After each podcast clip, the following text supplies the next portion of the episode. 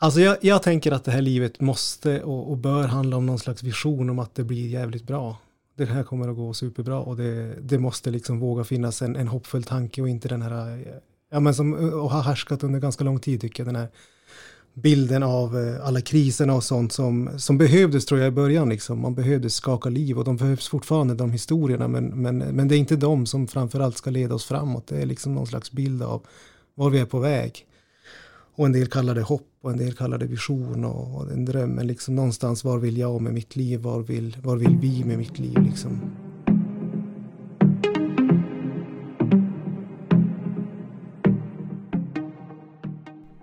I det här avsnittet ska jag och Eduardo Pettersson filosofera över livet.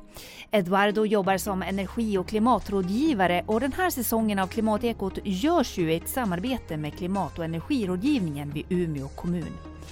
Tillsammans ska vi fortsätta att lyfta hållbarhetsfrågor och ge inspirerande exempel. I det här avsnittet ska vi också prata med Anna Sävestad Albinsson.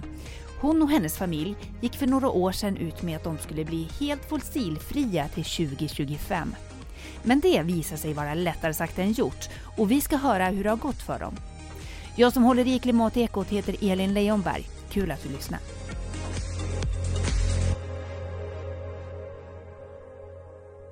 Eduardo Pettersson, du och jag ska prata om hur man lever sitt liv. Eh, och vi hade ju ett jätteintressant försnack om det här. Eh, mm. Och jag önskar att jag hade spelat in det. För det, det hade blivit ett bra poddavsnitt. Men vi får se vad vi kan återskapa nu. Mm. Eh, jag undrar först och främst, vad är ett hållbart liv för dig?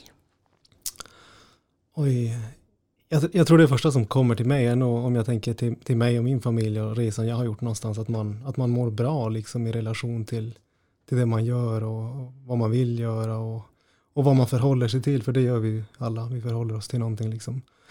Och ja, någonstans där vi pratar om det här med att, eh, att media nu ser frågan kring klimatet betydligt mer, liksom skulle väl då innebära liksom att ett hållbart liv hos många liksom innebär att man ja, men någonstans lever med, med det man vill och i relation, eller vill, man vill väl kanske mer, mer hamna där med, med harmoni till, till, till vad man belastar i naturen och vad man gör i, i sitt liv som påverkar negativt helt enkelt.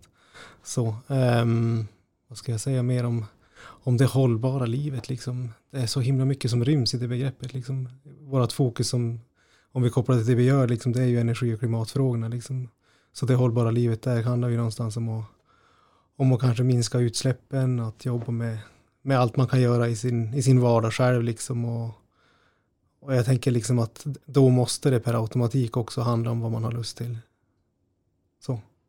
Hur tänker du liksom om man, om man ser till alla lever ju sitt liv olika men någon slags så här gemene man-bild så. Eh, hur mycket skiljer det sig åt gentemot hur vi lever idag? Det är så som vi måste leva framgent. Ja, alltså det, svart på vitt är det väl ganska tydligt att vi är, vi är ju långt utanför eh, marginalerna liksom och, och, är ju, ja, och det är väl nu vi, vi får veta det mer liksom. Tidigare var det någon, någon gammal lära kanske som vi, som vi lite grann har gått ifrån liksom och det här individualistiska tänket har fått liksom styra mer kanske under en lång period. Jag vet inte om det är hon, vad heter hon, Thatcher som pratar om det här med att det finns inget samhälle, det finns bara individen. Och det kanske vi är på väg ifrån lite mer nu. Eller det är vad jag hoppas. Så att man kommer tillbaks till det, till det livet och med det sagt så liksom har man också liksom mer perspektiv på vad man faktiskt påverkar och vad man kan påverka och, och ja men därmed liksom för bilden är, ja, den är ju liksom negativ. Det finns ju supermycket att göra där ute. Eh, och ja, alla de gränser vi måste hålla oss innanför, liksom vad det kommer till, ja men kanske biodiversitet är det som är den, det stora nya kriget liksom. I relation till energi och i relation till utsläpp och ja, de andra kopplingarna som finns. Men hur tänker du då eh, att det här livet kan se ut? Oj, oj, oj. Ja, det var det här vi pratade om. Ja. Alltså jag, jag, tänker att det här livet måste och, och, bör handla om någon slags vision om att det blir jävligt bra. Det här kommer att gå superbra och det, det måste liksom våga finnas en, en hoppfull tanke och inte den här, ja men som eh, och har härskat under ganska lång tid tycker jag, den här bilden av eh, alla kriserna och sånt som, som behövdes tror jag i början. Liksom. Man behövde skaka liv och de behövs fortfarande de historierna men, men, men det är inte de som framförallt ska leda oss framåt. Det är liksom någon slags bild av var vi är på väg. och en del kallar det hopp och en del kallar det vision och, och en dröm. Men liksom någonstans, var vill jag med mitt liv? Var vill, var vill vi med mitt liv? Liksom. Det var en person som, eh, som jag hade någon koppling till som hade gjort en lista, eller gjort, fått barn nyligt, typ, nämnde det här med barn, du och jag i inledningen här, att, eh, att ja, vad tänker man om sina barn och barnbarns framtid? Och han hade, han hade mer ritat upp en tidsaxel kring sitt barns liv. Och liksom, ja men, var är jag under de här åren? Var är jag 2030? Var är jag 2050? Och var är mitt barn då? Liksom, ja men där slutar han kanske sova med oss och där, där slutar han eh, vilja vara hos oss hemma, liksom flyttar hemifrån. Och, och i det så kommer liksom hela den här tankebilden med, med vad man Ja, han jobbar ju med klimat och energifrågor också, men, men med det följer liksom det, här, ja, det som skulle kunna vara ett engagemang för den personen eller det man vill liksom med, med livet därifrån.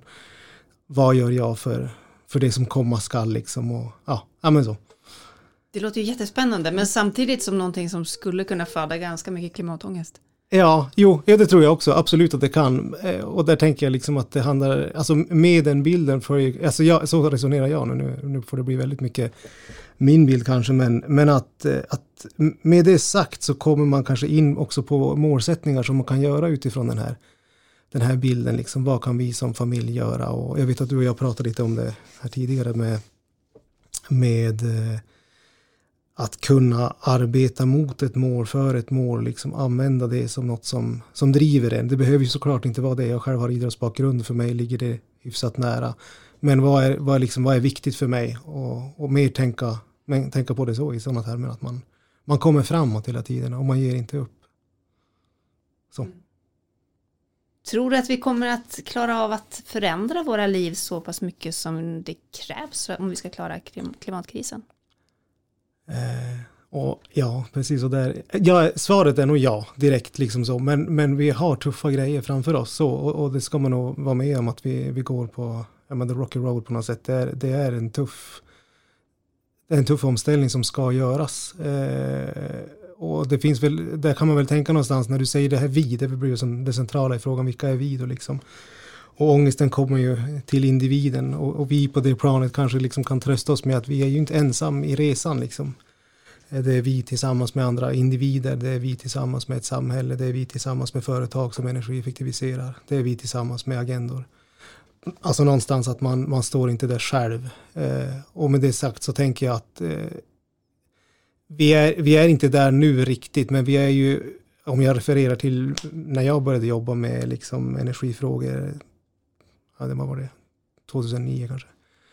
Då, då fanns inte den här frågan alls i media på samma sätt liksom. Och, och, idag har vi ju liksom ett aktivt samtal. Och jag tänkte på det här med corona som vi är i nu och den jul som har varit, att det var fantastiskt mycket sändningar. Det var nästan som att man kände att det är någon som har passat på att, att sända så himla mycket kring, alltså med, med väldigt många olika vinklingar och kopplingar till klimatet, alltifrån natur och biodiversitet och och eh, energifrågor och utsläpp och handel. Och, ja, det var väldigt, väldigt långa in, inlägg som man kände att det här, det, här, det här var ju inte vad som fanns för tio år sedan. Och det är ju hopp i det, att det faktiskt då ändå händer, hur långsamt det än händer. Vi kunde ju lika gärna ha stått kvar i någon slags annan fossilkraft med andra marknadskrafter. Liksom. Hur mycket tror du att liksom hela den här pandemin som vi går igenom nu kommer att påverka klimatarbetet? Jag tänker att den kan medföra väldigt positiva grejer utifrån eh, någon slags ett bevis att vi, vi ser att vi, vi kan ju göra fantastiskt mycket. Vi är ju superkapabla egentligen att ställa om väldigt, väldigt mycket och, och helt plötsligt så från ingenstans kommer det en styrning som är i vissa länder väldigt radikal. Och, och, den slår ju tillbaks också, men, men oavsett så är den på plats och den, den har liksom gått att genomföra inom loppet av ett år. Eh, det säger ju ganska mycket kan jag tycka. Och med det följer kanske också lärdomar att man, man kan anpassa sig, man kan också se att eh, vårt samhälle kan få se annorlunda ut. Det är också fine därför att det ser annorlunda ut för precis alla andra. Det finns någon slags socialisering i, i hela den processen. Eh, och sen tänker jag att den ger kanske tid också att tänka efter. Eh, och nu, nu kan det låta väldigt privilegierat när man säger det sådär. Eh, att vi, vi är i ett land där det finns tid att fundera för att det, det finns ett skyddsnät för oss liksom att fundera. Men jag tänker att någonstans så stannar saker av och nästan, när det stannar av så alldeles oavsett när människor går igenom en kris eller en ny prövning så, så tänker man i nya banor eller man, man tvingas i alla fall att, att börja fundera på vad, vad gör jag nu. Så, så jag, vet inte, jag, jag tror jag har en ganska positiv vision av, av vad som kan komma efter det. Eh, och sen finns det ju andra saker som möjliggörs kanske om man, om man nu tänker liksom de här äh, möjligheterna med att kanske driva igenom saker på grund av eh, att eh, stora globaliserade företag liksom ber om hjälp. Eh, och med det följer ju kanske också öppningar om man säger så. Det beror på hur tuff man vågar vara. I din roll som klimat och energirådgivare så möter du ju otroligt mycket människor. Eh, och jag tänker så här, vilka olika perspektiv upplever du att människor som kontaktar dig har? Alltså är de, väljer man att fokusera på rätt saker? Det där är väldigt varierat eh, och då skulle jag svara att i de, i de fall där vi anordnar saker och finns i mer öppna perspektiv. Eh, vi gjorde till exempel ett, eh, en seminarieserie där vi fanns med i en föreläsning med Johan Ehrenberg och så pratade vi om liksom åtgärder och konkreta åtgärder vad man kan göra för att ändra sitt liv och han pratar om tio superkonkreta saker för att ganska snabbt komma framåt. Liksom och så. Och i, det, I det klimatet där möter vi ofta människor som någonstans kanske har ett vidare perspektiv och, och ligger närmare omställnings och klimatfrågor med den bredd som ligger där i. Om, om man tänker nu alla, allt som kan rymmas där, klimatfrågan, det blir så orättvist när man bara säger klimat. Men det är ju allt ifrån eh, från liksom det här med rent vatten, rättvisa, vi har energi till alla, det finns värme, det finns mat, det finns, ja, you name it.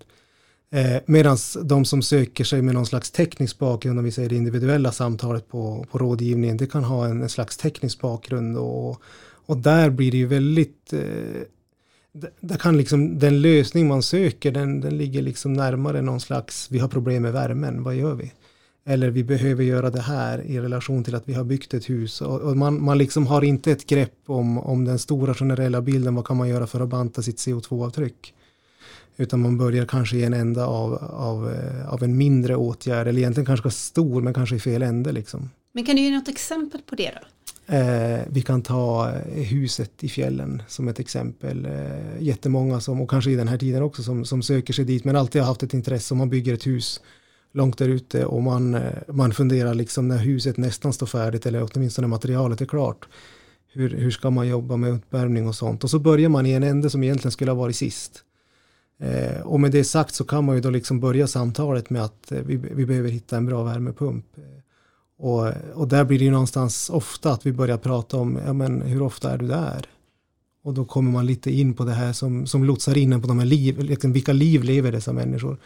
Och då, ju mer samtalet går, det är inte helt ovanligt att man inser att ja, men vi är ja, men två veckor på jul och så någon gång på sommaren och ja, men ibland på våren. Så av, av årets 52 så är man där kanske sex, sex veckor, sex, sju veckor. Och då blir ju en sån investering och en sån satsning att liksom fundera, men är det, är det, är det det här du har behov av? Liksom? Behöver, du, behöver du det här allra först? Är det något annat man kanske skulle ha jobbat med istället före, före det? Liksom? Så det skulle ju kunna vara ett exempel som går ner till familjen och liksom vad, man, vad man tänker. Liksom. Man kanske har en bild av att man är, eller man kanske önskar att man gjorde det mer. Men man gör det inte oftare och då då blir det som nästan löjligt att diskutera att värmepumpen är så himla mycket bättre än att sätta in ett elelement eller något annat. Liksom. Det är nästan som att kunna elda med olja där inne för att du är ändå där så sällan. Alltså det blir i relationen att transportera sig dit, vara där, vistas, värma upp huset med en superdyr lösning och så, och så får man som inte ut så mycket av det då blir det som nästan baklänges när det kanske är andra saker som livet och transporten och huset kanske kunde ha sett annorlunda ut. Och, eller så ska man ha vistats där mer. Lite grann. Det blir, ja, jag vet inte vad, vad weekendresor har tyvärr blivit i, i flygväg. Det är väl det som, som det här då kan motsvara med våra, våra bostäder. Så. Men när du då vänder på perspektivet och liksom leder samtalet in på någonting helt annat, vad får du för respons då? Eh, ja men det är ofta ganska, det är ofta med någon slags aha-upplevelse att man kanske, alltså sådär, eh, vi är väl ganska lösningsfokuserade och, och, problemet är uppvärmningen, ja men då löser jag det. Alltså sådär. Eh, och sen är man nöjd, sen, man, sen gick man i mål med det. Eh, Medan när man börjar resonera, liksom, skulle man kunna göra så här istället? Eh, då, då, då, eh, det är ju lite olika. Alltså är man, är man liksom, det här är vad vi vill, då kan ju en del vara tydlig med att men vi, vi håller det till det här. Liksom. Men ganska ofta så kan man höra av sig och så vidgas frågan. Man kanske vill börja prata om, ja men vi har ju funderat på det här med solceller eller vi har, vi har tänkt att vi, vi kanske ska, ska kolla lite grann på den här elbilen och nu har det ju som öppnats upp att man kan resa det finns en logistik och ett liksom, transportnät som är lättare, det finns laddplatser och ja men så här. Och då får man ju med fler bitar och, och jag tänkte inte minst transporterna är ju supertydligt här i, både i, i Sverige men kanske i synnerhet i norr liksom. Eh, det är en stor del av världens energi som går dit liksom. Så man, vet inte, man, får väl, man får väl vara glad så. Men, men ofta är det positivt att man känner att man, man kommer framåt liksom, i samtalet. Och det, det blir en bredare bild. Mm. Du nämnde här, så här tio saker som faktiskt gör skillnad. Kan du ge exempel på någonting? Vad, alltså, vad är rätt saker att fokusera på då?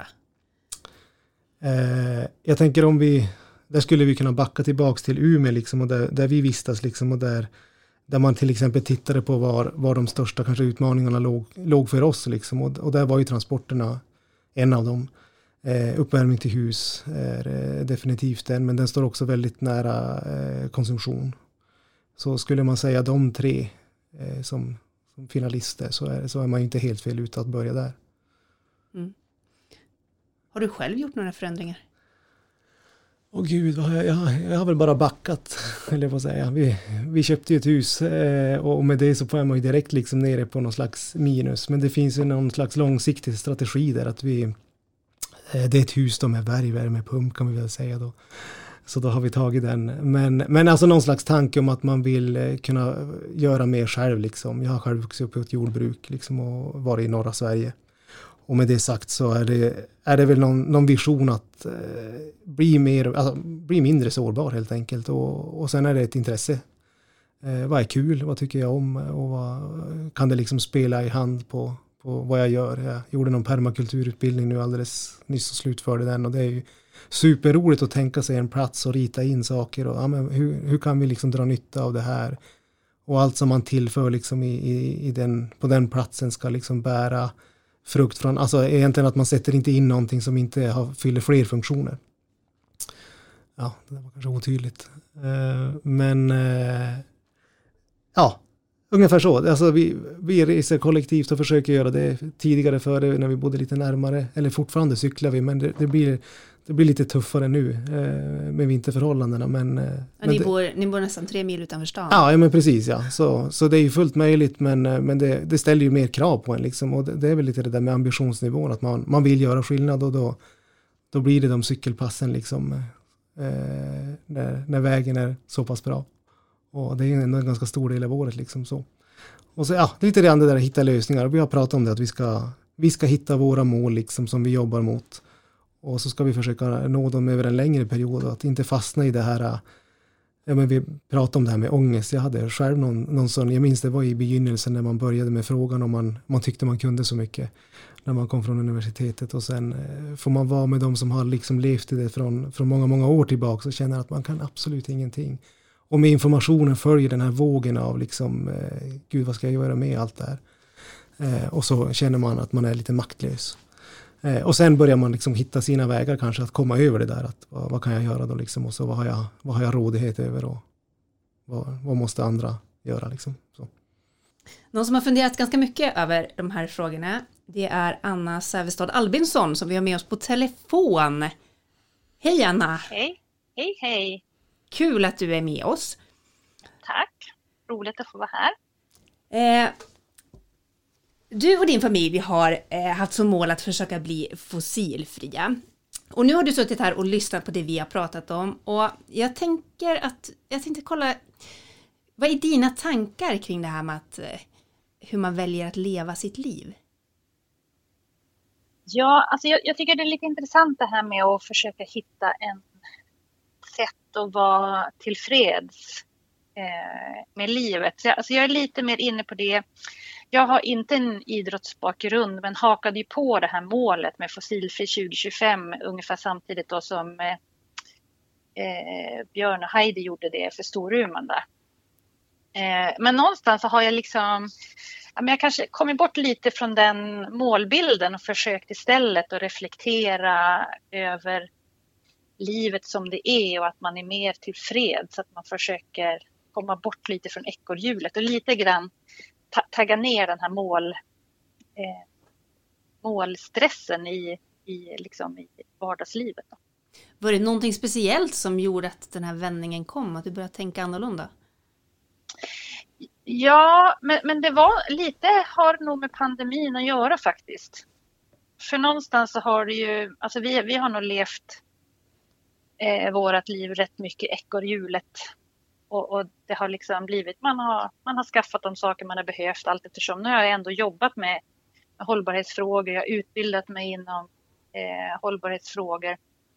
Eh, så jag har liksom alltid haft det med mig så att säga, men vi har ändå levt i, i ekorrhjulet. Vi har snurrat på, vi har rest och, eh, och allt sådär. Så då var det ju som, ja men det här, ett sånt här mål skulle ändå vara bra att ha då. Men sen med, med pandemin och man börjar reflektera och sen tänker man så här, ja, alltså alla de här sakerna som vi har eh, hade ju ett, ett av målen var att jag skulle bli självförsörjande. Så vi köpte en gård, vi köpte skog och jag hade mycket tankar kring permakultur, det här nu som Eduardo också har varit inne på.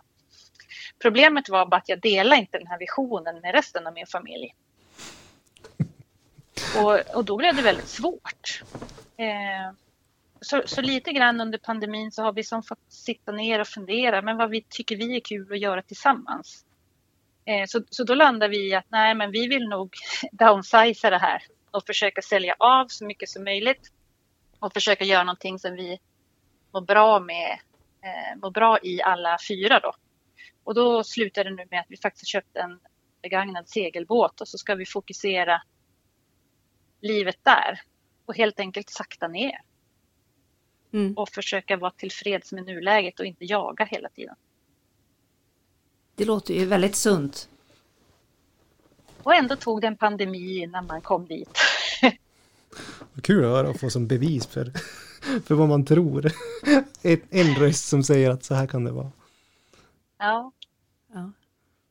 Men hur, hur, det, förutom segelbåten här då, om du, om du blickar framåt de kommande åren liksom och, och rent också hur ni lever nu, så där, vad, eh, hur ser det hållbara livet ut för er just nu och kommande år? Ja, nej, men det, det, kommer nog bli mycket fokus på den här eh, båten och faktiskt då relationerna med, med våra tonårssöner som jag blivit väldigt fascinerad av segling också. Eh, så jag, jag, tänker att det kommer bli mycket kring det. Eh, men sen också att vi kommer väl fokusera lite av, av, av, livet kring huset där vi bor inne i, i Skellefteå nu istället för att pendla mellan det här landstället och huset i Skellefteå. För det, det blev ju det blev väldigt mycket farande och flygande och man fick aldrig den här riktiga lugnet och ro, lugnet och ron så att säga. Så, så jag skulle nog vilja liksom se de här åren framöver nu att man får lite lugn och ro och mer relationer, mer umgås mer med människor. Mm. Det känns som att vi riktigt haft tid i vårt ekorrhjul utan vi har alltid varit på väg någonstans. Jag tänker så mycket kring det här med, med just resandet, apropå det här med, med att hitta saker i sin närmiljö som man tycker om att göra tillsammans. Och det var någon, jag tror det var någon studie där man pratade om just det här med, med beteende, att, att, att en av de få grejer som har bestående, eller som aldrig liksom dör, alltså det är om vi säger att man skulle nu flyga var och varannan vecka, så till slut så dör en del av det intresset också. Även om man får väldigt mycket möten, man får mycket kultur, man får mycket med sig liksom. Medans just den här relationsbiten var tydligen en sån grej som, som inte dör. Eh, även om det är med samma personer inom en familj och så, som jag förstod det. Eh, jag tänker på det just när du beskriver nu, att vad, vad, eller vad, så här, tänk, vad tänker ni efter corona? Eh, vilket, alltså så här, seglingen och familjen, alltså det så här, eller vad tror du liksom? Vad kommer, vad kommer att hända då? Ja, alltså jag, jag tror ju tyvärr att vi är ju ändå ganska många som längtar efter att resa igen. Eh, och, och, och, jag kan ju som säga att ja, men jag kan ersätta den längtan, seglingen nu. Men, men jag tror att det kommer bli en boom. Ja. Mm. För, för, även jag kan liksom sitta, även, även fast jag har den här starka drivkraften för miljön så kan jag som ändå längta till en sandstrand någonstans. Mm. Eh, och, och, det tror jag att det är många som gör. Man vill som bara iväg. Mm. Men det kan ju hända att man ändå ser den här närmiljön som som ett alternativ. Men jag tror inte det kommer räcka fullt ut. Nej. Det är som någon slags hopp om att man har upptäckt nya saker som kan bli någon ny, jag vet inte, sätta en ny standard. Jag, jag tänker nog inte heller att, att folk kommer att sluta resa på något sätt. Att det, det, och säkert inte i början heller, då slår det säkert ganska hårt. Men, men, men sen ja, det... kanske man hittar tillbaks till det som var enkelt. Jo. Och ja, det, som var enkelt, enkelt, det var nära. ja, och det som gav någonting med relationer och... Ja, men precis. Men hur tänker ni då kring det här, apropå resor, kring det här stigmat kring att resa och flygskammen och samtidigt som jag menar, runt omkring en så pratas det ju hela tiden just nu om att tänk att få resa och det är ju mm. min stora akilleshäl också om jag ska försöka leva hållbart. Mm. Det är ju just att måste jag avstå resor och uppleva världen. Hur resonerar ni kring just det? Får vi inte åka iväg längre eller måste vi lära oss segla? Ja men precis, kan, man kan alltid segla jorden runt. Eh, nej, nej, men jag, det var ju ändå en ganska stark tågtrend innan, eh, innan coronan kom. Eh, sen, sen är ju det här tågresandet i Europa, det är ju inte det billigaste sättet att resa med, med tanke på hur flygresandet har sett ut. Men, men kanske är det så att vi inte kommer tillbaks till den till det här extrembilliga flyget som var just med weekendresor till New York eller weekendresor till Barcelona eller kan vara ett med, med tanke på att he, hela flygsektorn tror jag liksom där, där pågår ju en strukturomvandling och den kommer inte komma tillbaks riktigt så snabbt som, som kanske de som vill ut och resa igen önskar. Jag tror det kommer bli dyrare att flyga. Mm. Jag tänker eh, och det kan ju det kan ju också driva lite, alltså vad väljer man att resa någonstans? Man kanske väljer att resa närmare i Europa eller man tar tåget oftare. Mm. Jag vet du sa Edvard när vi pratade om det här innan eh, och jag erkände att det här är, det här är jobbigt för mig eh, och att jag skäms lite över det här och frågade hur du tänker och hur du gjorde och sen så kom vi in på att prata om när man har ja, men, man har småbarn och man eh, bara längtar efter den här semestern på, säg Gran Canaria på ett all inclusive hotell med Bamseklubb. Eh, livet blir enkelt sådär. Så sa du att ja, då är frågan om man åker bort eller om man åker hem. Ja, jo precis. Jag tror jag drog någon referens till, för jag, jag hade exakt samma drömmar. Jag kände igen, precis det du sa det här när man var i slutet på sin studieperiod. Och jag hade ju, det här var ju liksom före man hade liksom förstått mer i alla fall. Eh, och, och, då minns jag att jag hade också några tankar att jag ska resa jorden runt och jag skulle se världen. Och en av de sista grejerna jag gjorde det var den här eh, resan som jag refererade till i, till Nya Zeeland. Jag gjorde min sista praktik där. Eh, och då, eh, då minns jag hur, jag hur jag, just det är därifrån det där kommer, min upplevelse av att ha åkt, det går ju i princip inte att åka längre.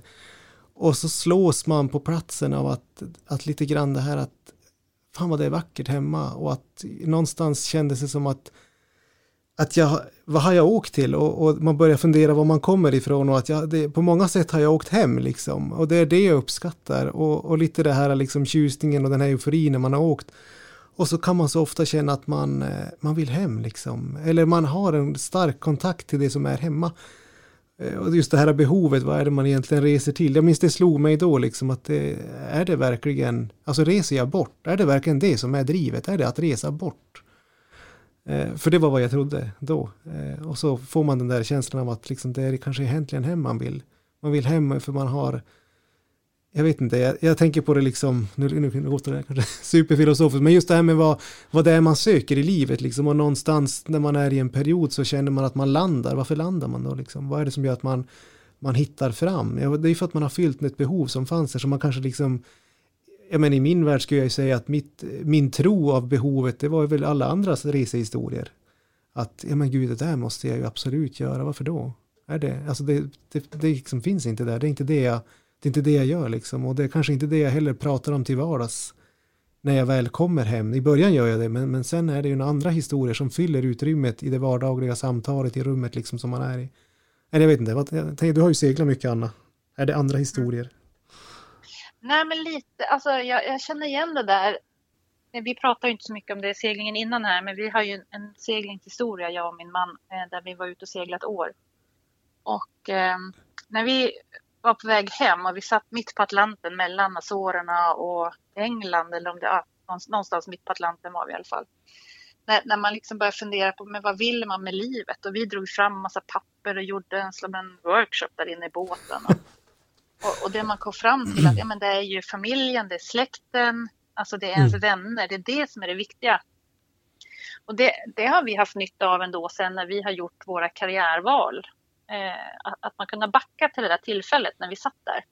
helt ensamma ute på Atlanten och bara guppa liksom. Delfinerna runt omkring och så och sen bara nej men vi, vi väljer att inte gå ett karriärsteg till Düsseldorf eller mm. eh, eller Bryssel utan sådär utan nej men, men vi vill hellre tillbaks till fläkten. Så att vi har kanske det hade varit lätt då att ta den eh, vägen så att säga. Mm. Och kanske kommer senare till att man vill flytta hem till släkten. Men vi, vi skippade det till varvet. Så att mm. Ja. ja, men jag känner också igen det där att man liksom, man har en, jag vet inte, alltså alla kanske inte känner igen sig att man har en stark koppling till något, men liksom om man, om man ändå liksom känner att man har väldigt mycket runt sig, då, då kanske det är väldigt mycket som är bra i det man lever i liksom. Och då, jag, vet inte, jag, jag, tänker ibland att det kan stötta en just när man står där, om man då har ångesten eller man står där i beslutet, vad ska jag göra, behöver jag Bamselandet så bad mycket? Eller är det något annat jag behöver? Kanske bara ringa in en barnvakt. Ja, ja eller hur, ja, precis, kanske det är det, en farmor istället, farfar. Mm. Det finns ju en, en väldigt bra bok på det här temat, mm. eh, Alkemisten. Ja, just det, ja precis, Carpe diem. Ja. Och, och den, jo, och det här handlar ju jättemycket om att man ska komma hem. Precis, ja. Och att resan bort är egentligen resan hem. Den måste vi läsa allihopa som lyssnar på det här. Ja, faktiskt. Den är, rikt, är nog en av de allra bästa böcker jag har läst. Men du Anna, jag tänker, nu jobbar ju du dels också med så här hållbarhetsfrågor och så, men, men just när du har gjort alla de här förändringarna, när ni, när ni gick ut med att ni skulle bli fossilfria 2025 och liksom, Eh, vad möter du för reaktioner ifrån din omgivning på er familjs val? Ja, men det, det, är lite både och. Det är många som säger att de blir inspirerade och liksom ser, ja men så här skulle vi också kunna göra. Ja, men det är också en del eh, lite så att ja men eh, du har ju gjort det och det eller du gör det och det. Eh, att du åker ja, en bensinbil eller vad det nu kan vara att det är lite, lite så här att om inte man är perfekt så får man inte jobba med förändring. Just det. Mm, ja, det, kan, mm. det kan jag tycka är lite jobbigt. Um, onödigt. Ja, men, ja, men det, det, är väldigt onödigt. Men det är också en, tycker jag, samhällssjuka på något sätt. Det är lite som att om du är politiker så måste du vara perfekt. Mm. Annars har du liksom inte relevans att, att jobba med förändring för någonting du tror på. Om du inte klarar av att vara 100% perfekt. Så det blir ju en sjuka i samhället. Ja, man straffas hårt också. Man, det, liksom, det slår ju hårt också. Man straffas väldigt hårt, ja. Så det är väl kanske lite där jag kan känna varför jag känner att jag tappar fokuset på det här målet och försöker istället bara vara. För då, då behöver jag inte diskutera det heller. Mm. Men å andra sidan så missar man ju tillfällen att inspirera andra då förstås. Det var min utgångspunkt, minns jag när jag började, det var någonstans där en, mm. en person som sa det liksom, ja men nu börjar man höra det ofta, just den här kommentaren att man vill kunna se, eller känna att ens barnbarn liksom ska kunna, man ska svara på frågan där att, att, eh, att farfar gjorde någonting. Um, och det här är en, en kille då som har jobbat som oljeforskare liksom. Och, och, jag minns att när han sa det här, hjälp till självhjälp, då var jag superinspirerad av det. Och jag, jag, skulle säga att det fortfarande liksom speglar en stor del av livet, liksom att man på något sätt, ja men det här, det är inte så himla lätt att säga åt någon att nu, nu ska du göra så här, så här ska du leva ditt liv. Eh, och jag har mandat, jag, jag har den här titeln eller jag har den här positionen eller vem man än är. Det är väldigt, väldigt svårt. Och, och, och, någonstans där så tänker jag liksom, vad är det som har gjort att jag själv har, har förändrats? Alltså vilka förändringar kan jag se i mitt eget liv? Och det är ju definitivt i, i möten eller påverkningar, och, och då är det ju ganska nära relationer kanske, eller kollegiala liksom, alltså man har levt liksom parallellt med någon under en tid och fått ta del av den människans liv och det är då jag upplever att jag har haft mest förändring. Och det är väl så jag också har tänkt kring mig själv, att om jag på något sätt är, är där liksom och finns, finns när en annan människa ställer frågorna, ja men då, då är jag ju på precis rätt plats i rätt tid liksom. Eh, och sen, sen gör man ju andra saker i sitt jobb, men, men just hur man ändå som tänker kring sitt liv och sin livsstil, där tänker jag mycket, väldigt mycket att, att, en stor del av, av omställningen liksom handlar om att, få, att våga dels liksom, men kanske våga ha idoler också, att det här liksom, att se upp till någon och vad kan jag, vad, vad är det den här personen gör eh, och ha med sig som jag, som jag känner att det, här, det där vill jag ta, det där var svinbra, det där vill jag ha med mig. Och, och jag vill också våga, våga ja. göra som den människan gör. Ja, för det, det tror jag att Björn och Heidi haft ganska stor inverkan på. Ja, just det. Mm. Och inspirerat många. faktiskt. Men, för jag, jag, jag tänkte på det faktiskt. Vi, vi skaffade ju elbil ganska tidigt. Vi hade en sån här privatleasad eh, Nissan Leaf. Mm. Som gick eh, 13 mil maximalt. Alltså på sommaren typ. Eh, så det var, det var väldigt tidigt. Men, men, bara det att vi hade den, vi testade den och vi körde då i, i Umeå till Umeå, Skellefteå och det var ju lite småmäckigt så där i början, fanns inga laddstolpar. Och, men det var ändå så att, ja men alltså var det någon som kom och ville prova. Jag har en kompis i Härnösand som kom och testade den där och två dagar senare så gick han och beställde en och, och privatleasade en egen och sen har han i sin tur inspirerat fler. Och min syster skaffade en elbil varpå hennes kollega skaffade en elbil som körde jättemycket i, i tjänsten som säljare då. Så någonstans så kan man ju också se att, ja, men, att vi gjorde det här eh, och liksom bara bara berätta hur det var. Inga övertygande Nej, inga argument liksom, eller argumentation. Nej. Utan bara, men det här har vi gjort, så här har det fungerat. Och då har man inspirerat eh, andra till att göra samma. Ja, för mig var det maten. Och det var ju liksom det. Man går ut på lunchen och käkar. Och kollegan bara superkonsekvent delar med sig av, av tips och allt. Och så hela, hela tiden det här konsekventa valet liksom att äta vegetariskt som liksom hjälpte mig mer att komma in, ja men just det, så där kan man ju tänka och så där kan man göra och så får man uppleva en ny värld också på samma gång. Eh, och bara få ta med det liksom. Och då tar man ju med det hem och så blir det som du säger, det slår ringa på vattnet. Nästa person tar det vidare liksom. Ja. Men ska vi kanske bara vara lite snällare mot varandra då? Ja men det var väl bra, det var väl bra sagt. Ja. Nej, men jag tänker också det här att, att liksom våga, alltså jag vet inte, jag tänkte just det du sa det här med samhällssjukan, att man avkrävs ett sånt ansvar och man ska hela tiden vara så himla mycket liksom. I den andan följer ju också att, att det finns, alltså då, då, då är det väldigt nära till begränsningar, för om jag inte är så där perfekt, då kommer jag inte heller att våga mig ut, jag kommer inte att fråga, jag kommer inte att våga ha idoler eller ta till mig någon annans liv. Jag tänker att det är en del i klimatdebatten också, det här jag vet inte, den här svartvita debatten åtminstone, att det blir så väldigt, eller har varit historiskt i alla fall, väldigt svårt, det har som funnits ett antingen eller och nu börjar det spricka upp i gråzoner och så kan man liksom hitta in och då, då, spelar det inte så stor roll vilken väg man kommer in, bara att man kommer in någonstans och gärna kanske inom det som man tycker om, om det då är maten eller något teknikintresse eller om det bara är allmänt att man tycker om och jag vet inte, hänga. Ja, men för umgås. någonstans är det ju, om, om alla skulle göra någonting och förbättra sig 10% totalt sett jämfört med om några enstaka gör det 100% Så det är klart det är bättre att det är många som gör lite. Ja men precis. Det så, så lite det här att alla kan göra någonting och, man, och då får man leva med, ja men det här klarar jag av, det här orkar jag. Mm, ja, det, precis. Det, det, ska vara bra. Ja, exakt, att man orkar, precis, det får vara okej. Okay. Att det här orkar jag med, liksom, exakt. Jag tror det ligger väldigt mycket där. Och att det inte blir det här beteendet att man ja, men man, man pallar det inte så då, då skjuter man det ifrån sig istället. Jag tänker lite grann där, vara snäll med sig själv eller kanske ännu hellre ha kul. Liksom ha kul på resan. Har ni gått vilse någon gång i allt det här då? Är vi inte? är vi inte alla där och, och söker ja, den här framtiden? Jag tänker att... Ja, men, ja, nej, ja, förlåt. Ja, men, jag, jag, jag tänker så här att jag har definitivt varit liksom delvis vilse. Och det är det jag tänker just det här med personer som man har runt omkring sig, relationer som, som kanske gör att man har kunnat skära i kurvorna liksom och, och, och fått, eh, ja, men fått med sig saker som gör att man tänker annorlunda och man kanske ändrar lite små grejer liksom och så blir det så, så behöver det inte vara så stor grej heller, alltså, eller man, jag vet inte, man, man bereds genvägar för att andra har gjort resan helt enkelt. Hur tänker du Anna?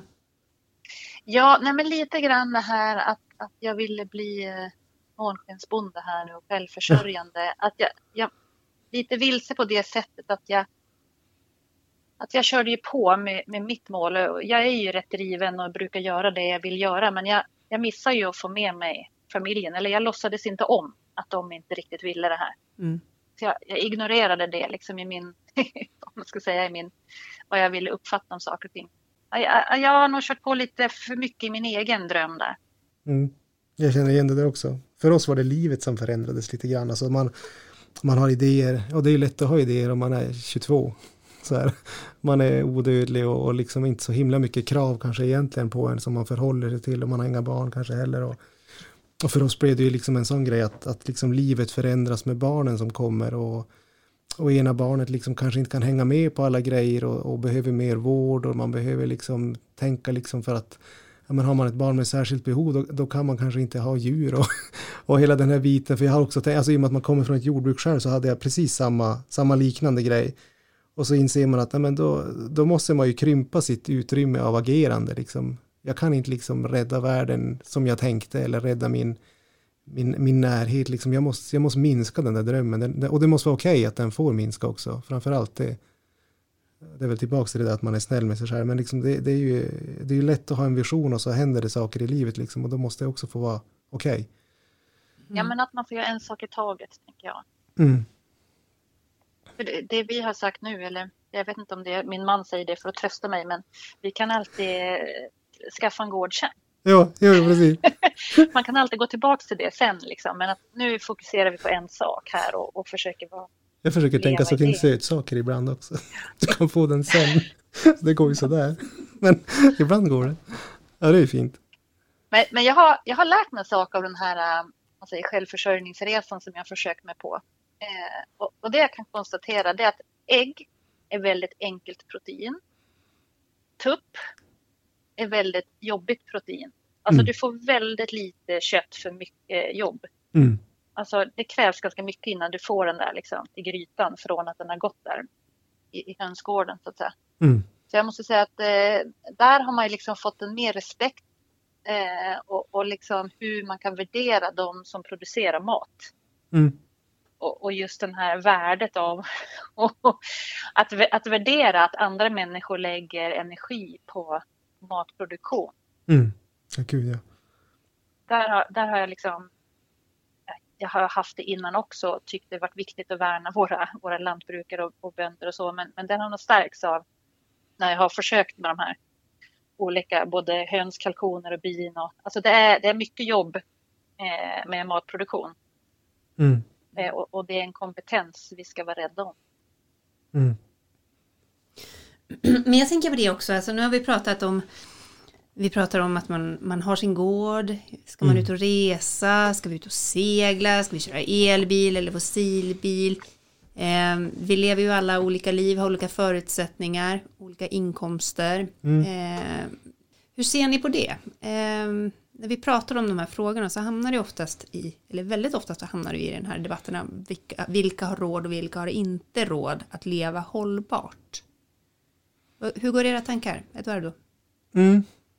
Alltså just sådär spontant så tänker jag liksom alla har råd att leva hållbart. Egentligen just för att det ofta speglas det i livet i, i samband med också ett ganska lyckligt liv. Alltså det är väl liksom eh, de här mindre ekonomierna, familjer som har det ganska litet liksom. Det, det är liksom men det är ju, nu törs inte jag säga de nivåerna, men det är relativt några nivåer som man ser liksom att inkomsten liksom förbättrar ditt liv på ett sånt sätt att människor svarar också att det här har verkligen gjort en stor förändring i mitt liv. Och när man kliver över en, en sån nivå och det är ju inte svensk medelklass. Den är ju långt, långt ovanför uppenbarligen. Eh, så, så händer inte liksom någonting egentligen just där. Och, och med det sagt så skulle man kunna resonera att, att det hållbara livet någonstans, det är ju fullt möjligt liksom. Eh, så, men, men det du gränsar till som jag tycker är viktigare, det är det här med klimaträttvisa som kanske ska gå före alla andra superlösningar som ligger där ute. Och den, den är ju inte helt lätt att ta i liksom. Och den, den är ju superviktig. Eh, för den obalansen är ju, eh, jag på att säga, grogrund till så väldigt mycket där ute som händer och som kanske bottnar mycket i energi och klimatfrågan. Men tar sig andra uttryck men, men, på ett eller annat sätt så kommer liksom energi och klimat att, att styra människors liv och med det kommer konflikter ofrånkomligt liksom och då spelar det roll vad man Kanske om man hade, om man hade hönan eller ägget eller om man kanske bara hade ris liksom, eller något betydligt fattigare. Eh, så, alltså då, då, då ställs ju det på sin spets så att säga. Var går gränsen där?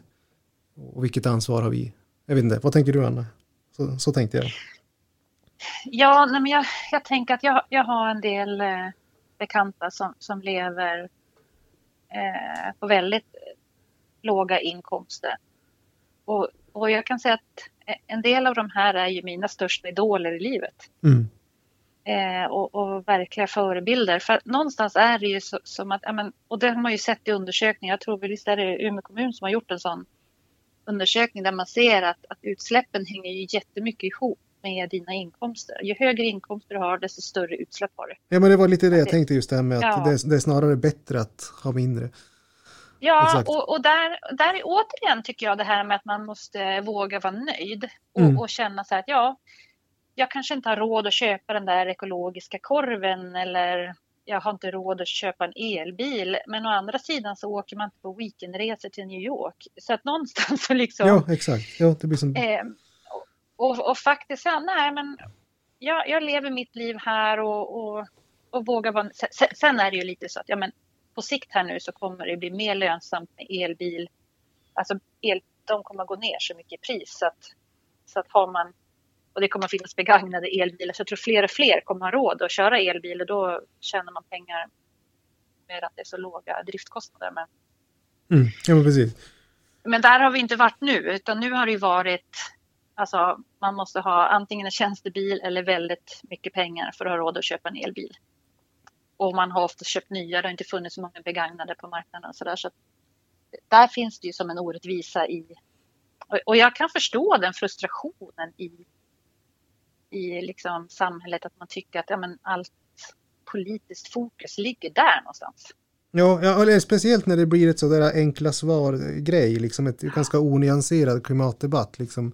För då blir det precis som du säger, har man inte elbilen då är man inte där. Ja, men, jag har en 740 som aldrig har blivit servad. är inte det bra? alltså sådär, liksom, det måste ju också få spela roll. Eh, ja. Ja, jag tänker just, jag, jag, vet att vi pratade om det du och jag Elin, det här med att eh, just vara nöjd, men jag tror jag använde ordet att man får gå i mål.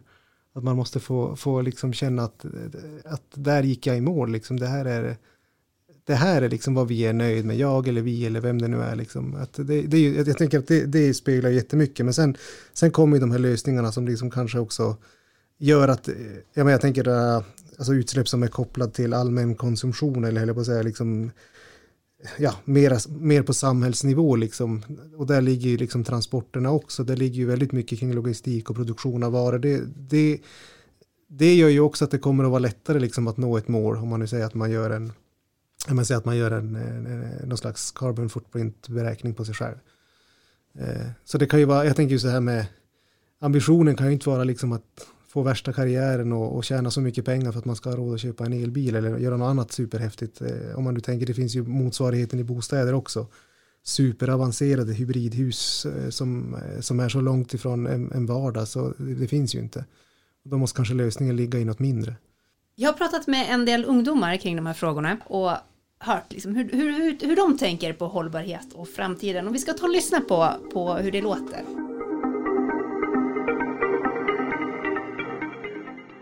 Jag heter Ludvig Nordin, jag är 17 år, fyller snart 18.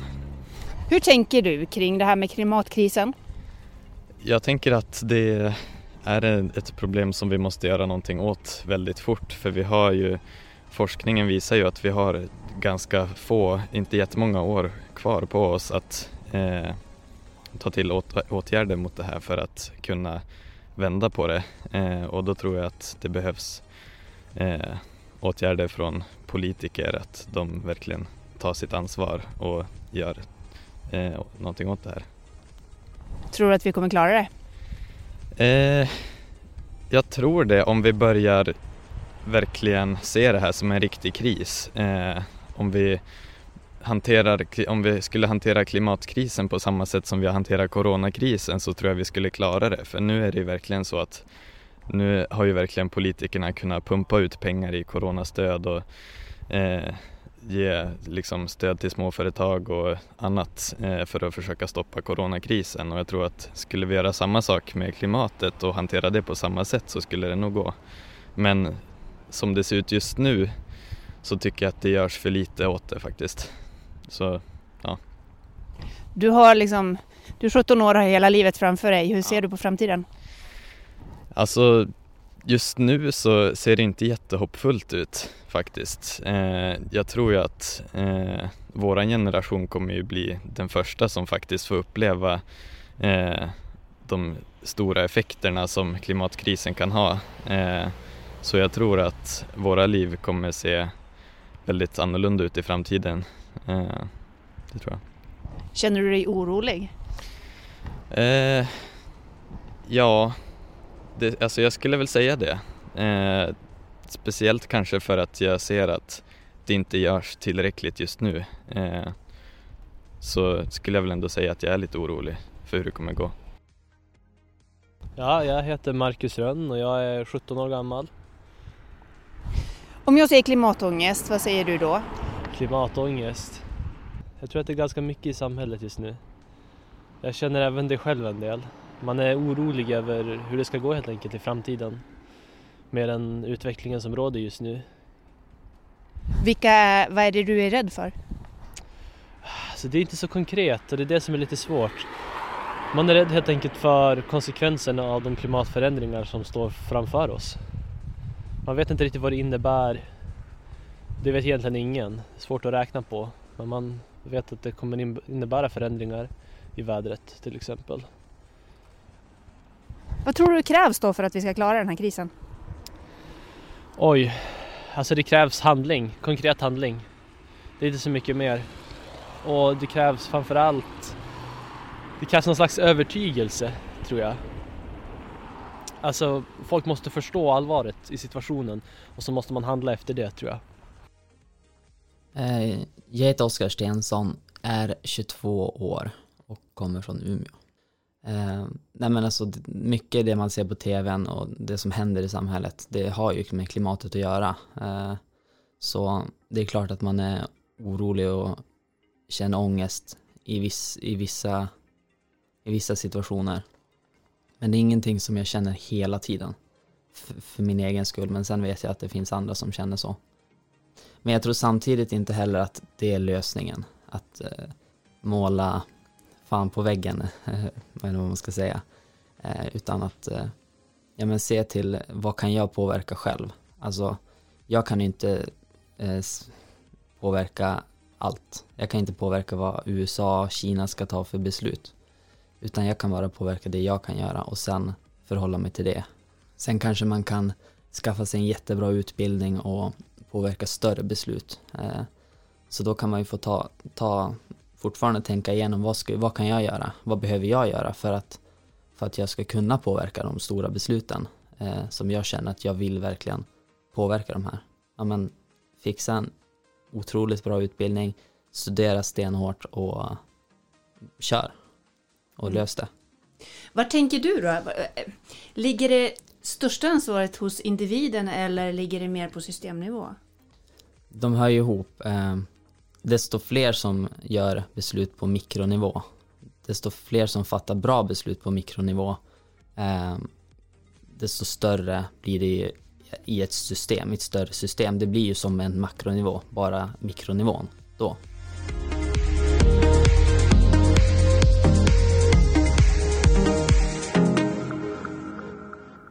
Ja, vi hörde Oskar här i inslaget eh, och han pratar om det här med mikro och makroperspektiv och att det spelar roll vad individer gör och att det är individerna som kan påverka helheten.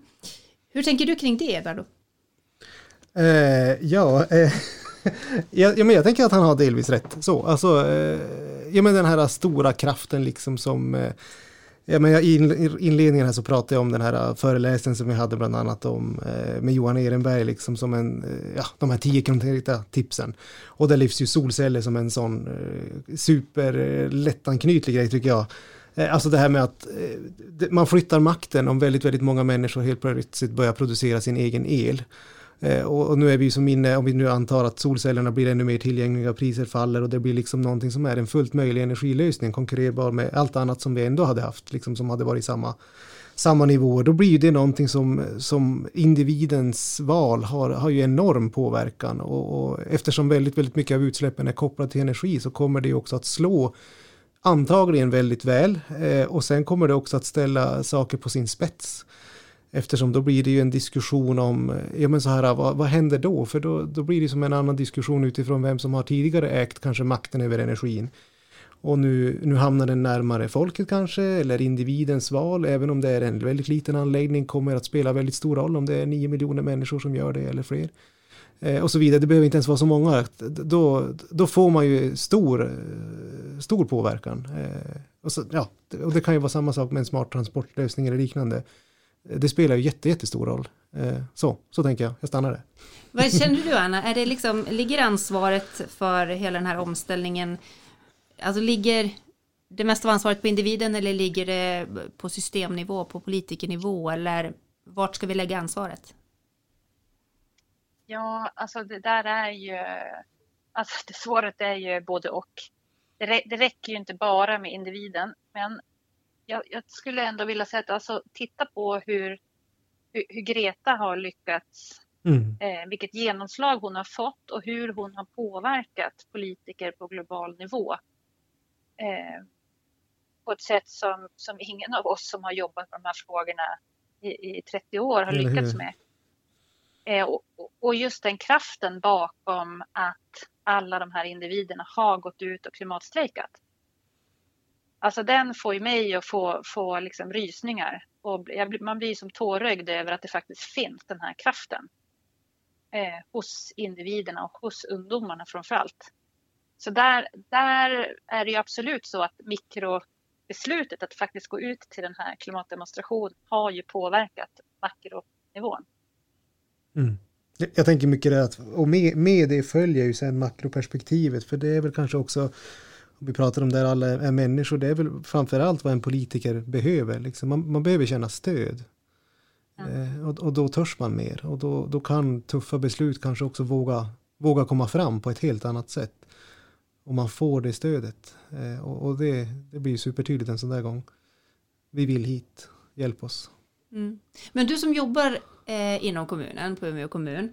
Eh, vad tänker du liksom är, vad kan en kommun göra för att underlätta för sina medborgare att faktiskt leva hållbart?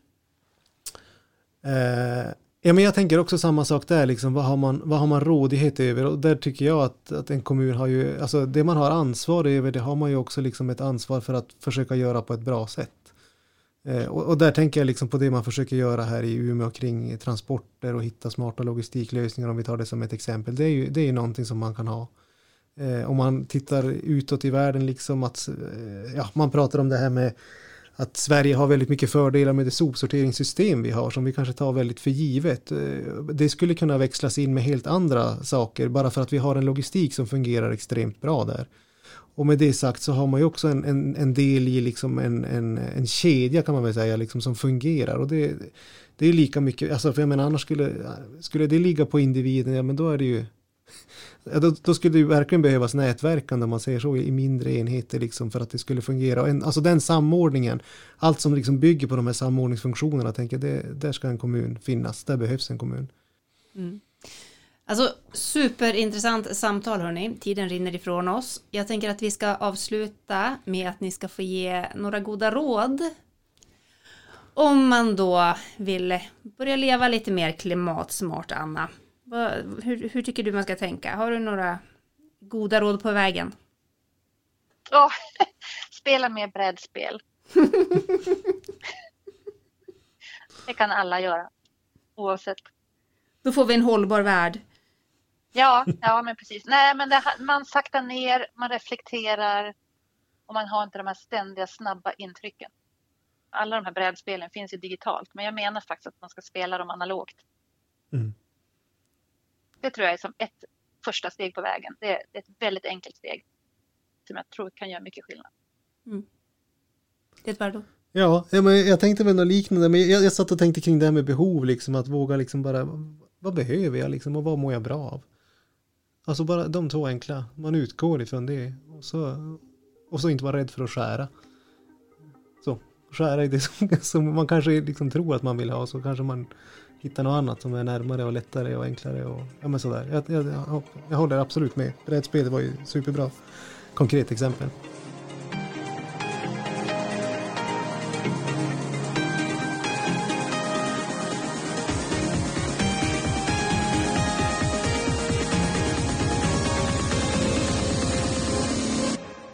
Våren är här hörni och solen lyser på taken. Tomten är inte vaken men det är däremot solcellerna om du har några sådana. Just nu produceras det för fullt runt om i Sverige. Men vad ska man egentligen tänka på om man vill skaffa solceller? Hur funkar det och ger det verkligen resultat så här långt norrut? Vi ska också träffa en bostadsrättsförening som bestämde sig för att satsa på solenergi. Hur har det gått egentligen? Tack för idag och hoppas att det har väckt lite tankar.